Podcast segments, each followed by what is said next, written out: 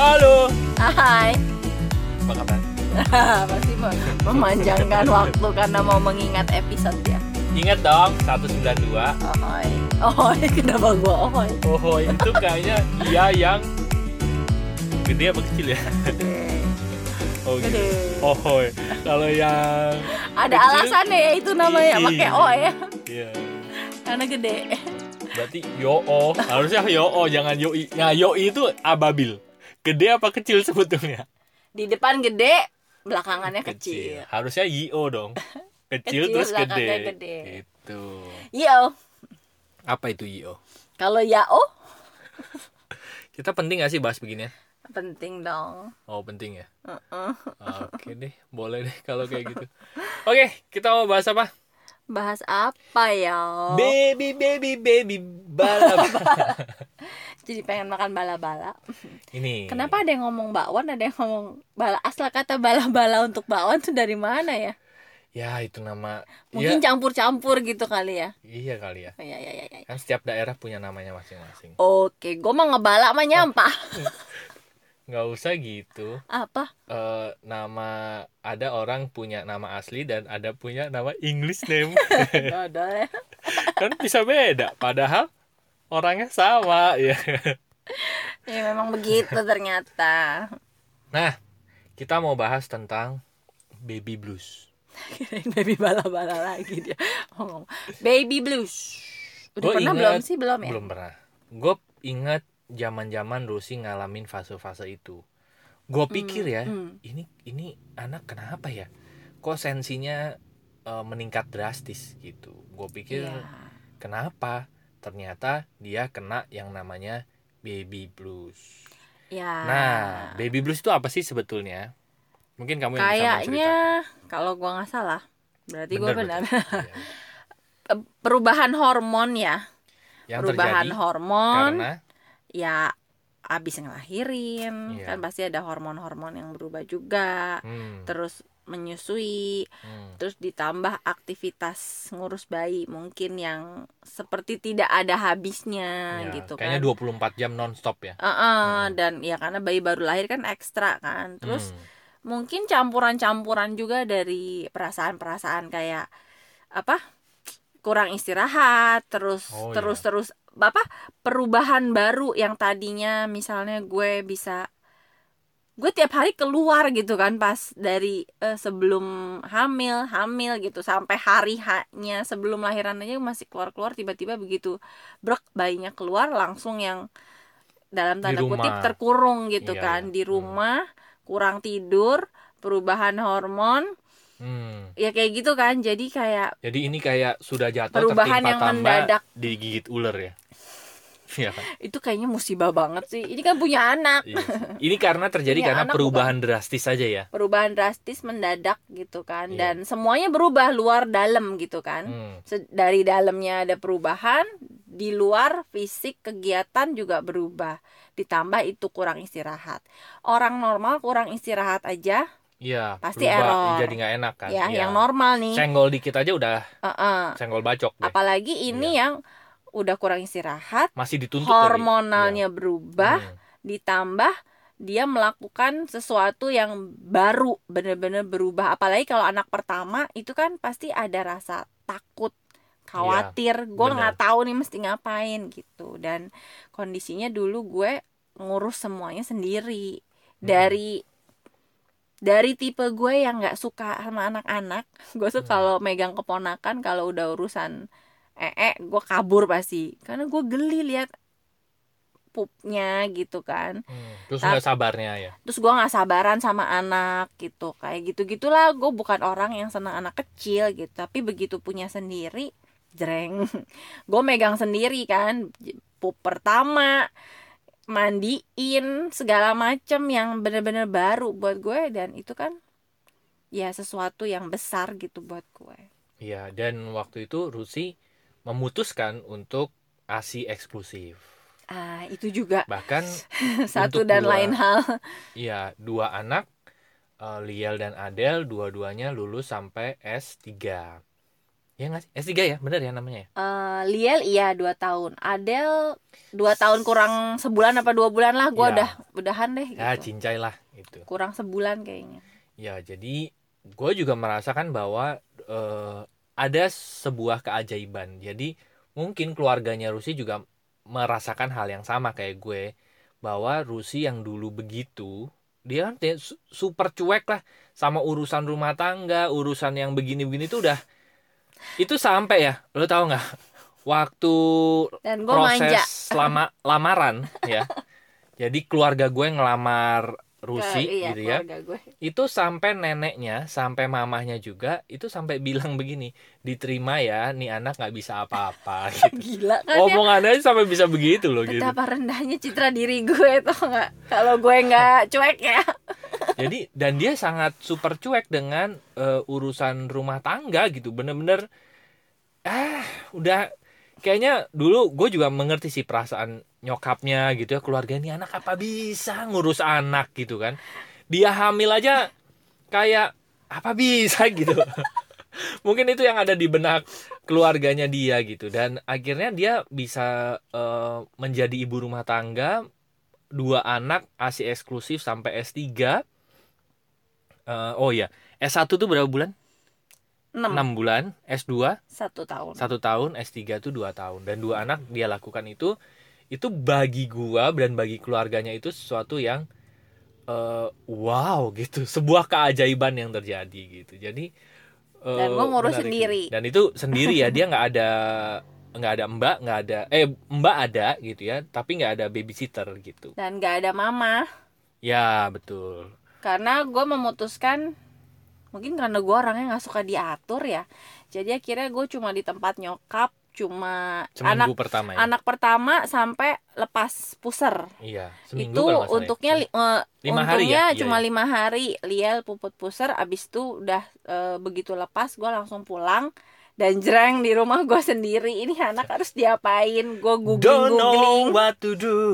gue wak- waktu itu kan masih BB ya gue banyak BBM sama temen gue yang udah punya anak terus gue googling Googling ya. gue hampir nggak pernah nanya ke nyokap karena takutnya nyokap bakalan Beda khawatir generasi, sama ya, ya, gue ya, betul, gitu betul. karena Hmm. gue ngurus sendiri ntar yang ada malah ribet gitu Oke. terus eh, ya udah ngurus sendiri gitu semuanya Nah, sekarang sebetulnya apa sih yang dirasain pada saat baby blues? suram Oh, namanya juga blue tadi tuh ya.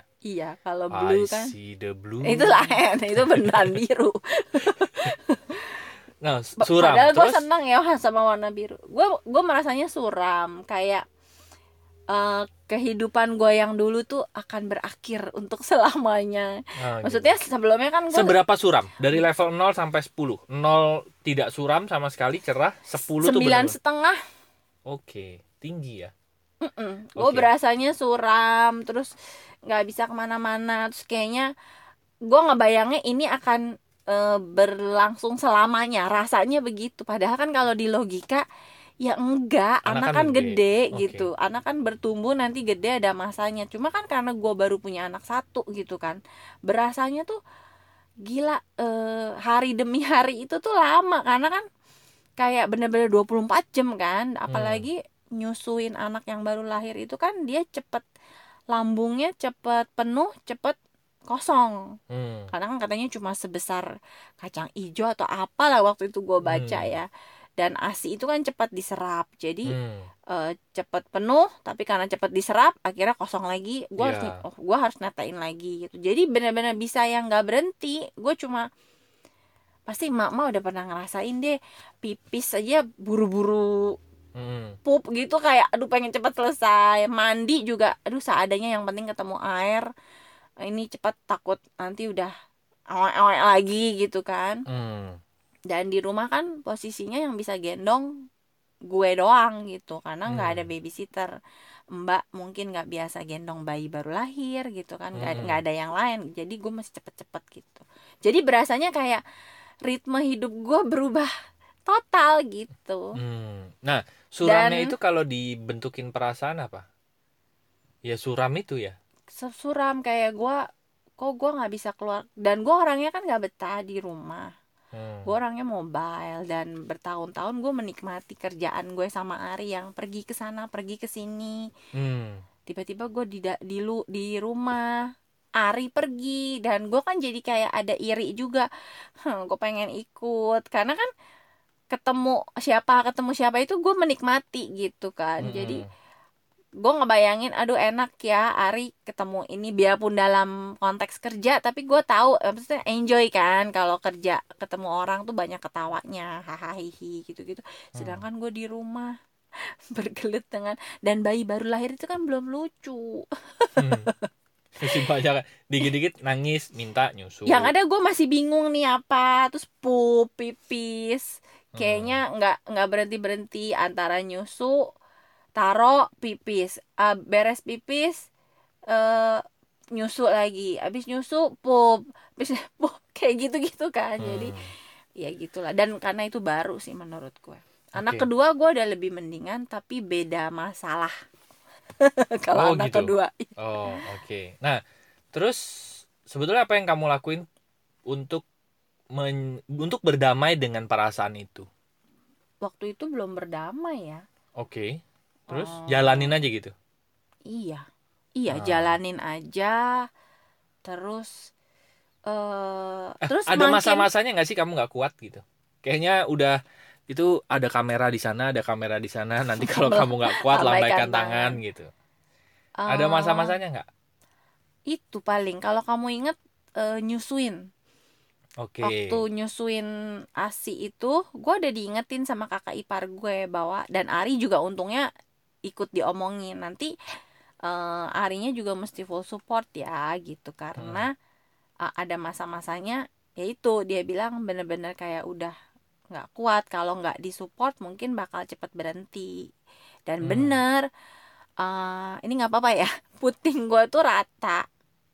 Dan untuk menyusui itu susah gitu. Jadi ketika untuk Hmm. harus ngebentuk yang Iya. biar bayinya gampang itu kan berarti kan dia akan akan dibentuk untuk seperti itu dan eh, apa Proses pembentukannya proses itu pembentukannya sakit, sakit, gue ya. luka gue lecet sampai oh pokoknya berdarah segala macem deh dan itu sakit banget hmm. gue kalau masih inget jadi setiap kali Liel nyedot pertama dua tuh kan rasanya ya gimana sih luka terus tapi ya masih harus di aduh gue tuh langsung sampai udah ngebayangin sakitnya jadi gue pernah masa-masa begitu Liel nangis gue tahu dia lapar gue udah takut karena gue udah ngebayangin sakitnya. Jadi gue takut lihat anak gue sendiri. Kalau dia nangis aduh gimana nih gitu. Tapi kan harus kan. Waktu itu gue belum nggak bisa pompa nggak tahu kenapa kalau dipompa kayak mungkin gue salah beli pompa kali ya atau Hmm. gimana nggak dikit banget kalau dipompa. Jadi em, anaknya juga lebih lebih suka kalau langsung gitu kan Hmm. ya itu gue nggak tahan sampai gue bilang sama Ari udahan ya pakai pakai botol ya pakai susu botol ya gue sampai gue masih inget tuh rasanya Eh, terus bener-bener udah bener-bener nggak tahan terus Ari Hmm. bilangnya ya udah satu minggu lagi ya Hmm. ya udah satu minggu lagi ya udah untungnya begitu satu minggu lagi ya udah satu minggu lagi gitu Hmm. pas udah satu minggu lewat kayaknya bisa terbiasa. Iya. kayaknya udah berkurang ya udah deh satu, minggu lagi satu minggu lagi sampai akhirnya udah beres lukanya Hmm. beres lukanya Liel udah enak terus ya udah Polanya udah mulai terbentuk terus ya. ya guanya juga Kebiasaannya udah mulai terbentuk bener gitu. terus ya. makin ke sana kan udah makin lucu kan bayi udah bisa diajak main gue makin seneng udah makin gede kan udah nggak terlalu ringkih nggak terlalu ekstra care kayak waktu kecil gitu kan. Jadi makin lama akhirnya gue makin bisa menikmati. Dan gue akhirnya nyadar gitu bahwa gue nggak selamanya terkurung di rumah. Toh Hmm. berapa 40 hari kayaknya waktu itu ya. Iya. 40 hari juga gue udah bisa keluar. Hmm. dan dengan ASI itu sangat membantu. Gue bisa keluar tinggal bawa bayi sama bawa ya baju pampers gitu. Tapi kan nggak usah bawa botol segala macem kan. Dia lapar gue di mana aja bisa hap buka gitu kan. Itu sangat akhirnya begitu gue menyadari oh nggak selamanya gue terkurung gue bisa keluar lagi gue bisa mobile lagi bah ya gitu gitu akhirnya udah sih enjoy. Benar, benar, benar. Nah, gue ada satu satu kalimat yang sampai sekarang gue masih inget dan itu sangat membantu membantu kasih support untuk Rusi. Yaitu gini apa pun yang terjadi terhadap si ibu pada saat dia uh, transisi dari lahiran dan merawat gitu ya masuk terus masuk fase baby blues itu gini. Semua yang ada di dirinya itu bisa menyembuhkan dirinya sendiri. Dulu uh, begini gua nggak gua tidak lagi memperdebatkan antara asi dan sufor ya. Gua ya, sama itu kita menghargai ya, maksudnya pasti ada kondisi-kondisi ya, yang gitu. nah, bisa cuman kalau lo tanya gua sama Rusi kami berdua pro asi gitu nah eh, kenapa kami pro asi karena ada satu kalimat dari kakak iparnya Rusi yang sampai sekarang gue masih inget kata-katanya adalah kayaknya nggak masuk akal kalau uh, gimana ada gimana? Ibu, ada ibu, ada ibu yang, yang mau kasih makan. makan anaknya dan sama Tuhan nggak dikasih, gitu. Jadi kalimat itu tuh bener-bener jadi belief buat gue sama Rusi. Sama, sama gue gitu. juga nah, masuk ke gue. Jadi bener juga ya. Jadi uh, dulu gue sempat Rusi bisa nggak ya uh, asi ngasih asinya gitu ya. Karena banyak orang yang cuman berpikir asi gua dikit asi gua dikit gitu. Cuma dan asi gua nggak banjir melimpah kayak bener. kakak ipar gue atau kayak siapa. Asi gua biasa aja gitu. Bener. Tapi cukup. Tapi cukup gitu. Nah, tapi kalimat itu tuh bener-bener iya ya. Nggak ada nggak mungkin kayaknya ibu yang mau ngasih makan anaknya dan Tuhan nggak ngasih gitu. Jadi menurut gue udah matching aja asi ibu seberapa anak seberapa terus kalau anak dikit-dikit rewel, dikit-dikit nangis karena ASI itu bukan ASINya kurang sebetulnya. Tadi kata Rusi tadi karena ASI itu cepat dicerna. Cepat dicerna gampang, jadi ya karena memang itu makanannya kan. Iya, terus cepet pup dia lapar lagi kan gitu. Gitu aja gitu. Jadi seberapapun uh, ini prinsip gue ya, prinsip gue sama Rusia gitu. Dan akhirnya gue melaluinya itu dengan tanpa ketakutan. Karena gue believe aja gitu. Ya memang begitu kok udah lanjutin aja gitu. Jadi gue iya. nggak yeah. ada ketakutan oh, anak gue kelaparan anak ini apa gitu. Walaupun dengan uh, asi Rusi yang segitu. Dan, dan kalau ngelihat uh, saudara-saudara Rusi tuh asinya tuh bisa sebotol segapa. Ya bisa memang di bisa di stok di, stok, di kulkas, kulkas kalau gue gitu ya. mah makanya gue boro-boro gitu. apaan ya kan? karena kayaknya apa yang mau dipompa udah habis gitu kadang-kadang iya. uh, apa ya gitu kan sampai apalagi kalau baru lahir itu kan kayaknya setiap berapa menit dia akan minta lagi sampai pokoknya kalau dia mau ya udah sodorin aja. Kalau disodorin dia mau ya udah gitu. Pokoknya gue uh, bisa... apa dibilangin gitu aja. Dan setiap disodorin dia mau kan. Jadi akhirnya gue tuh bisa semalaman nggak tidur karena ya udah nyusuin berapa menit terus taruh lagi nanti kayaknya baru les udah eh, lagi gue iya. angkat lagi. Tapi memang emang begitu tapi itu nggak lama. Ada ada masa-masanya jedanya akhirnya udah lebih panjang gitu betul. kan. Tapi memang ada masanya kayak sepertinya rasanya nggak berhenti berhenti. Ya betul. Itu yang yang membuat uh, ibu yang uh, apa ya yang kayak ada sisi traumatisnya itu. Kok sepertinya gue nggak berhenti berhenti ya kayak nah itulah yang masuk eh, masa-masa baby blues itu gitu. Dan kayak nggak ada waktu buat mikirin diri sendiri kan. Bener, dan makanya itu support orang terutama suami sih yang diharapkan. Iya. kalau gue ya mungkin karena gue manjanya ke Ari jadi gue pengennya uh, gue kalau di diribet apa ya dalam tanda kutip gue makasih sih nyokap misalnya apa ngingetin gue apa. Apalagi kalau kalau waktu gue di tempat nyokap makan tuh kayak nggak berhenti berhenti karena nyokap gue bolak balik nyediain makan makan. Itu gue thank you banget gitu. Tapi kadang-kadang yang gue perlukan adalah support secara psikis gitu. Mm -hmm. dan secara juga emosionalnya. gue sih udah gue tuh cuman bener-bener berpegang sama kalimat itu gitu. Berpegang sama kalimat itu ya udah just do it gitu nah sering kali yang membuat baby blues baby blues. Blues. baby blues makin parah adalah kepanikan sama kekhawatiran. Ini gue bisa misalnya contoh Eh, masa-masa asi itu ya. Ini bisa nggak? Ini nanti asinya keluar nggak? Ini segala macam. Terus udah mulai banyak input tuh.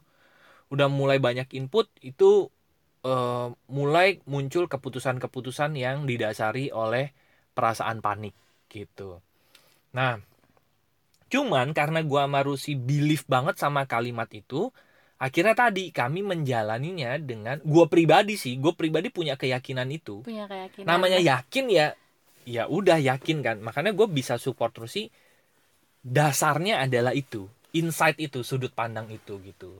Nah Kayak, terus yang iya. kedua waktu Rusi asi dan dia ngalamin kesakitan itu ya yang tadi luka itu gue inget kakak iparnya Rusi juga bilang udah lukanya itu diolesin sama asinya aja gitu Iya. itu sangat mempercepat proses penyembuhan dia bilang gitu gue langsung balik lagi ke kalimat yang pertama itu iya ya nggak ada ceritanya ibu mau ngasih makan anak ya dan Tuhan nggak ngasih apa nggak menyediakannya lah gampangannya gitu ya. Iya. iya ya gitu dan bener diolesin asi gitu proses penyembuhannya eh, cepet banget gitu jadi semuanya tuh sudah sepaket sebetulnya ada di diri si ibu gitu nah cuman beliefnya atau sudut pandangnya Tergantung. iya belief atau sudut pandangnya itu mendukung nggak untuk proses menjalani baby bluesnya itu gitu dan sebetulnya eh, betul sih kata Rusi bahwa semua ini akan berlalu kok jadi nggak selamanya eh, apa namanya ya pro- Iya. baby blues itu selamanya akan Karena- dialami. yang di ya karena yang diras yang memperparah baby blues adalah anggapan dan atau pikiran bahwa ini akan berlangsung Selamanya, selamanya, ya. gitu. Iya, iya, kayak wah hidup gua akan berubah gitu. Betul. Ya, Kayaknya memang selamanya berubah. kayaknya selamanya gue terpenjara gitu. Iya ya ya memang berubah tapi ya itulah dari sisi yang Tapi- banyak banyak banyak sisi Iya. yang menyenangkannya juga gitu maksud gue. Bener. Ada satu menurut gue ya ada satu peran yang tiba-tiba muncul atau ada satu ego personality yang tiba-tiba muncul di situ yaitu ibu. Peran kita atau bagian diri sebagai ibu. Dan selama ini bagian diri ini belum muncul belum pernah ada kan? Iya, kita kan selama ini berperan sebagai anak kita berperan sebagai teman gitu. Sebagai adik sebagai, sebagai adik kakak. ya itu yang kita sudah mainin gitu selama hidup kita. Iya benar begitu ceprot bayi lahir tiba-tiba kita dituntut atau wanita gitu ya dituntut untuk punya bagian diri ibu. Sedangkan bagian diri ini kan baru baru tercipta bersamaan dengan lahirnya sang bayi gitu. Ya nah benar. sering kali karena kita apa namanya ya namanya juga Baru. jadi ada dua bayi sebetulnya yang lahir. Bayi secara fisik gitu ya Mm-mm. sama peran bayi ibu. peran ibu gitu dan Iya. itu kan perlu di kita perlu memfasihkan juga kan. Nah terus? Kayak uh, kayak Hmm. waktu posisi nyusuin aja. Ya kan wah, awal-awal tinggi pendek diganjil bantal apa enggak kayak gitu aja kan. Ini anak udah dapet apa belum? Itu aja gue beberapa kali pertama tuh panik gitu. Karena kayaknya anak gue udah lapar udah hap hap hap kagak dapet dapet gitu kan. Eh, Eh, perasaan kalau Ari gampang. Ini hap hap hap hap gitu kan. Guanya udah panik. Aduh gua nggak bisa nih, aduh gua nggak bisa nih. Cuma terus ya inget bahwa yang bela gue belajar dia juga belajar gitu. iya, iya, jadi iya. eh, dia belajar karena kan itu juga baru. Biasanya dia di perut tinggal dapat aja dari itu kan. Nah, ya. Iya. sedangkan gue juga baru. Jadi ya udah sama-sama belajar. Kalau belum bisa ya nggak apa-apa pelan-pelan aja gitu kan. Hmm. ya udah akhirnya gue juga ngomong sama baby gitu.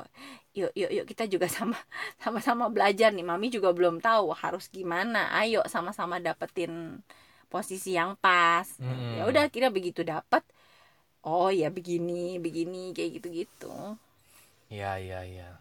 Menarik loh itu. Sam eh, satu hal yang menarik. Tapi gini gue barusan kata-kata Rusi yang tadi itu cukup membuat gue eh, belajar sesuatu mendapatkan sesuatu. Sama-sama belajar ya karena kita sebagai orang tua baru dan dia sebagai anak baru.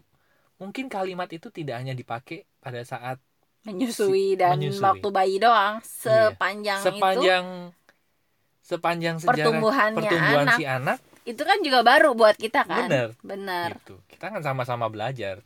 Karena kita juga baru peran eh, peran orang tua itu kan memang baru lahir seiring dengan pertumbuhan anak pertama terutama gitu ya.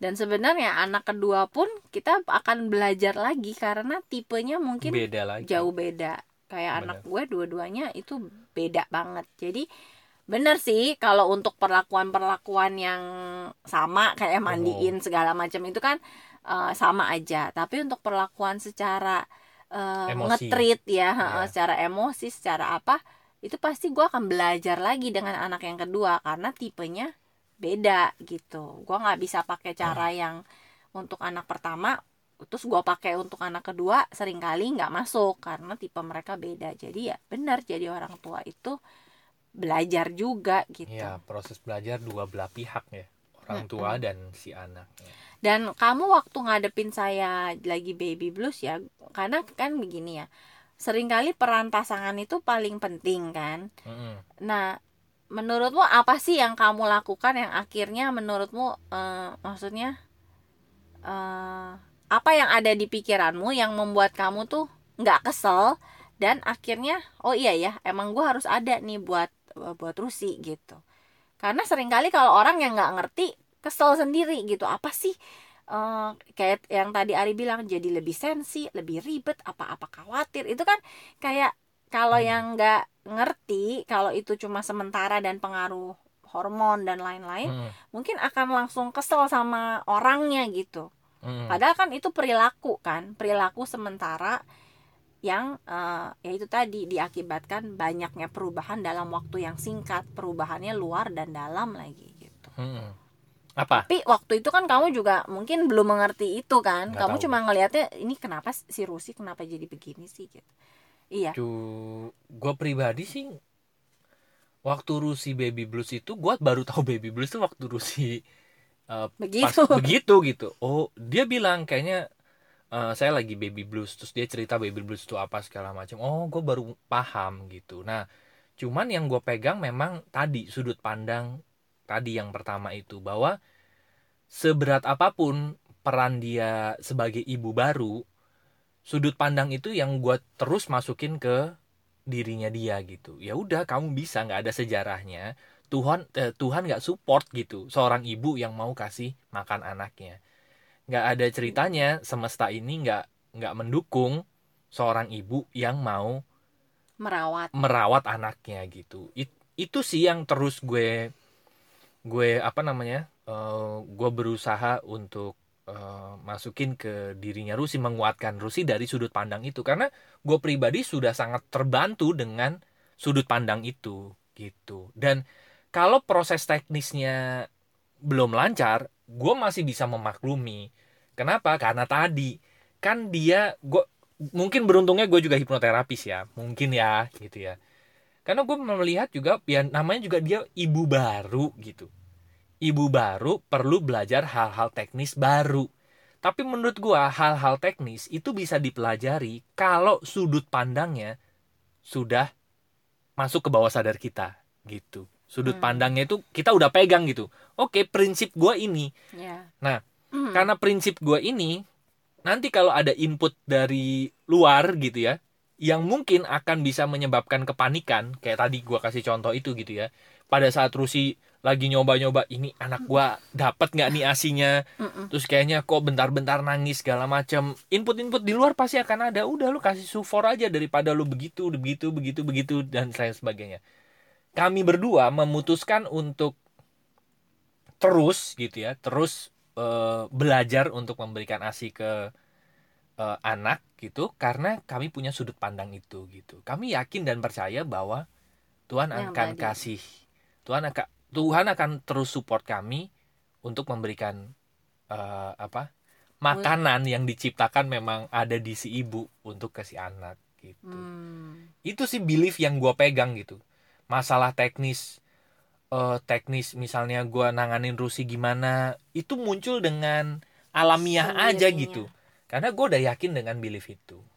Gitu. Hmm. sudut pandang itulah yang membuat gue tetap yakin bahwa eh, Rusi bisa gitu. Ya, gitu dan sisanya sebenarnya gue yang harus berdamai dengan keadaan sih. Kayak ya udah enjoy enjoyin aja lagi di rumah. Iya. Karena ya tadi Ari mah mungkin nggak terlalu berasa. Paling berasanya biasanya ada gue terus jadi nggak ada gue. Gitu. Iya. dia harus pergi sendiri tapi kan mungkin ya dia tetap bisa kerja gitu. Yang yang lebih berasa kan gue dong yang ditinggal gitu. Aduh gue udah bosan gue pengen pergi dan nggak bisa gitu kan. Iya ya dan itu dan ya berdamai ya ya Sementara. dinikmati aja apa Iya. yang ada. Oh sekarang gue Betul. sekarang gue lagi adanya anak. Gue cuma mikir someday nih baby gede gitu kan. Ya udah jadi gue nikmatin aja deh dia lagi lucunya apa sih? Lagi nyenenginnya apa sih? Dan kalau dipikir-pikir ya menyenangkan gitu. Apalagi kalau sekarang lihat foto-foto bayi gitu kan aduh iya ya dulu nih anak sekecil ini gitu sekarang udah pada udah gede gitu. Benar benar. Dinikmati apa Ya, ya, dinikmati, benar-benar ya, betul. this to shall pass itu menguatkan sekali sih dan bikin gue jadi lebih menghargai saat itu. Jadi betul. bukannya bikin gue pengen cepet-cepet lewat gitu. Benar aduh gue pengen cepet anak gue gede nih. Tapi kalau gue mikir heh ini nanti akan berlalu loh. Someday lo akan Bener, kangen loh dengan betul. momen ini. Jadi itu tuh ngingetin gue untuk balik lagi ke saat ini dan ya udah gue lagi punya anak umur segini gue nikmatin. Kan anak gue tiap hari tumbuh tiap bulan tumbuh gitu kan. Dan bener sih kalau dipikir-pikir gue sekarang udah cukup puas gitu dengan ngegendong anak. Karena Hmm. dulu gue ya bener-bener gendong terus gitu. Orang mau bilang ih ntar bawa tangan. Tapi gue pikir "Ih, itu yang lagi anak butuhin sentuhan dan toh dia nggak akan selamanya gue gendong gitu. Malah gue baca survei anak yang lebih sering digendong waktu kecil sampai umur balita gitu gedenya akan lebih mandiri gitu.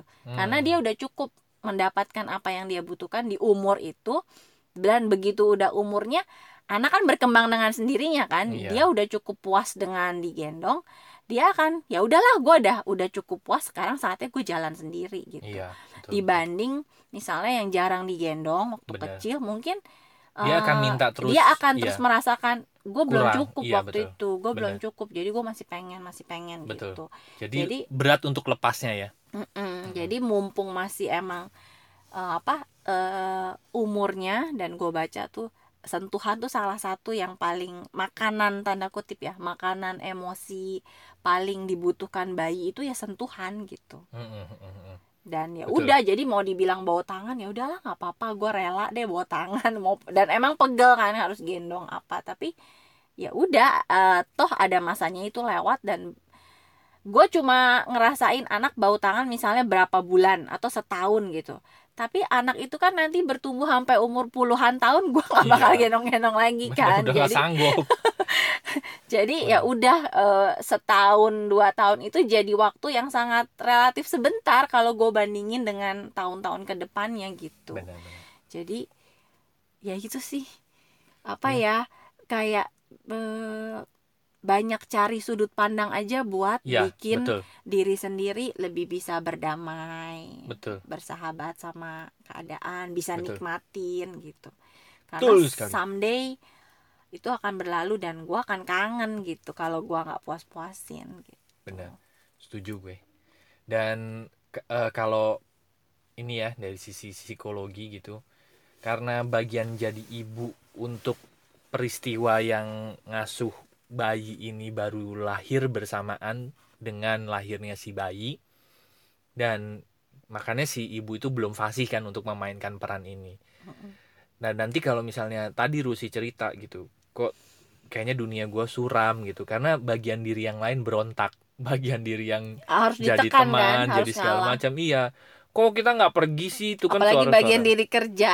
Iya gitu. Nah sadari satu hal lagi ya udah bilangin aja ke bagian diri itu bahwa gini tuh nggak selamanya, kecuali lo mau punya anak 20 ya. eh siapa tahu setelah punya anak satu dua tiga malah ketagihan eh Iya. senengnya ya udah deh mau lagi mau lagi Jadi bagian diri ini yang nagih gitu ya. Nah, ya itu kalau lo memang memutuskan misalnya punya anak berapa dua atau tiga gitu ya, ya memang eh, bagian diri ini nggak selamanya akan aktif gitu. Iya. Dia hanya eh, minta aktif, bener-bener bekerja dengan baik dalam jangka waktu tertentu. Jadi bilangin aja ke bagian diri yang lain tuh yang lagi berontak bahwa ini nggak selamanya, tunggu bentar lagi iya habis itu nanti kita lo pasti Ada akan saatnya. nyala lagi kok gitu lo akan pasti gua perhatiin lagi bahkan gitu. sebenarnya yang bagian diri kerja aja dulu kan yang paling berontak bagian diri kerja sama ibu kan kalau gue Mm-mm. itu eh itu lumayan lama kan kayaknya gue pernah bahas kok di podcast awal-awal gitu Mm. iya dan kalau gue pikir-pikir ah, bagian diri kerja gue bakalan leb- bisa aktif lebih lama Cu- memang cuti di awal anak-anak usia kecil gitu kan tapi ya Mm-mm. itu tadi nanti begitu anak udah SD aja nih eh, sekarang aja gue udah bisa melakukan Iya. banyak hal kan anak-anak udah sekolah gitu apalagi nanti Adele udah SD kan jam pulang sekolahnya makin sore ya makin siang Benar. makin sore tuh berarti gue cuma lima tahun gitu kan Iya. padahal ke sananya gue masih punya puluhan tahun buat berkarya gitu Betul, buat betul. kerja betul jadi ya nikmatin deh justru nanti kalau udah gede aduh pengen yang kecil dipeluk-peluk lagi gitu jadi sekarang gue pos-posin betul puas-puasin dengan ribetnya puas-puasin dengan ya dengan semua keadaannya itu. Rasanya, iya gitu. betul. Betul. Betul Ya, sekali betul jadi Jadi, buat ya yang lagi lagi baby ngalamin blues gitu ya itu tidak selamanya akan ada saat-saat Wah, di mana semuanya cerah kembali. selamanya. ketika kita udah bisa ngatur ritmenya pelan-pelan lagi gitu Betul. kan. Eh, apa? Nggak 100% ya apa ya semua bisa di dikondisikan lah gitu. Betul. Betul sekali. Udah mulai bisa liburan lagi udah mulai bisa kerja lagi. Benar. Betul betul. Tapi sekali lagi tapi kalau lo berencana punya anak 20 ya mungkin waktunya akan jauh lebih panjang lagi. Eh, tapi kan berarti kalau orang udah pengen punya anak banyak seneng berarti kan? Iya dia ketagihan. Antara seneng atau atau kebablasan. Atau kebablasan Iya Oke. iya iya iya ya. Gimana Oke. mau punya lagi? Hmm, enggak deh cukup ya kita mau sepertinya bagian diri bagian diri yang lain nih yang main yang lain sebenarnya sudah berontak lama Anak-anak juga udah bisa diajak main Iya. ya pergi ya. Ya tapi ya kali. Enggak sih. oh kamu udah mulai lagi Enggak. enggak Enggak. Gue tuh eh, horornya waktu lahiran.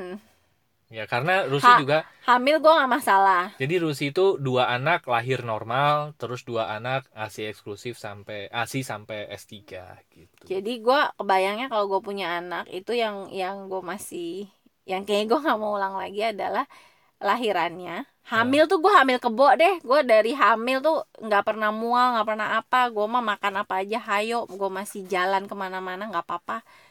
Itu gue eh, hamil gue enak dua-duanya. Cuma lahiran gue masih inget sakitnya. Terus sama karena gue biasanya asi jadi dua tahun tuh gue pasti nempel sama anak gue nggak bisa Hmm. pergi ke mana-mana yang tinggal anak nginep tuh nggak mungkin kan karena kan gue nggak pompa gitu kan jadi dua tahun loh dua tahun Hmm. dua tahun tambah dua tahun empat tahun dan itu berarti juga kurang tidur gitu selama itu karena biasanya ya gue nggak tahu deh mungkin ada yang bisa menerapkan pola anak bisa tidur sepanjang malam gitu. Tapi gue dua anak gue baru tidur enak setelah mereka lepas. Lepas Asi. asi jadi kan gue itu aja masih sebelum belum belum bisa dikatakan tidur enak. Masih Iya. ada bangun-bangunan sampai juga sekarang kan. aja gue masih kadang-kadang walaupun nggak tiap malam tapi ada malam-malam tuh di mana ya gue masih bangun anak-anak masih manggil-manggil. Gue bahkan yang gede aja masih manggil gitu kadang-kadang jadi ya cuma ya dinikmati itulah kalau Bener. punya anak lagi itu yang gue pikirin dua tahun nggak ke mana-mana sama waktu Iyalah. ceprotnya lahiran udah lah bikin aja lah bikin tapi nggak dijadiin Oke lah baik-baik. Jadi bagi teman-teman yang lagi ngalamin baby blues, jangan merasa sendiri juga Ya. kalau mau cerita-cerita karena punya temen cerita punya bener, sharing betul. yang apalagi yang berbagi pernah sudut pandang Iya, ya, itu tuh sangat menguatkan. Dulu juga gue banyak, yaitu BBM-an dan kalau gue banyak googling juga dan mengetahui bahwa bukan gue yang aneh. Ya. Ini bukan gue yang salah, ini bukan gue yang aneh, tapi gue lagi memang lagi dipengaruhi hormon gitu kan.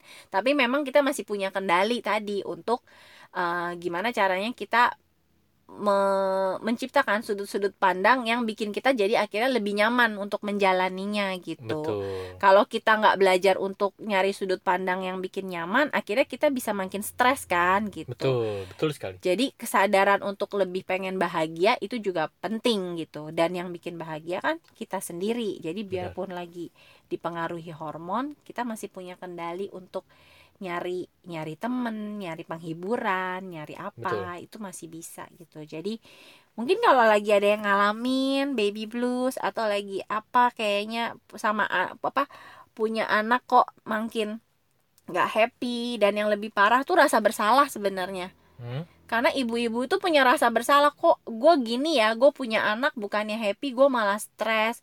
Gue jahat nggak ya sebagai ibu? Nah itu tuh malah memperparah kan. Hmm. udahnya mah kita capek ditambah lagi kitanya mesti ngerasa bersalah karena Hmm. kok gue nggak kok gue stres ngurus anak gitu. Padahal gue pengen punya anak.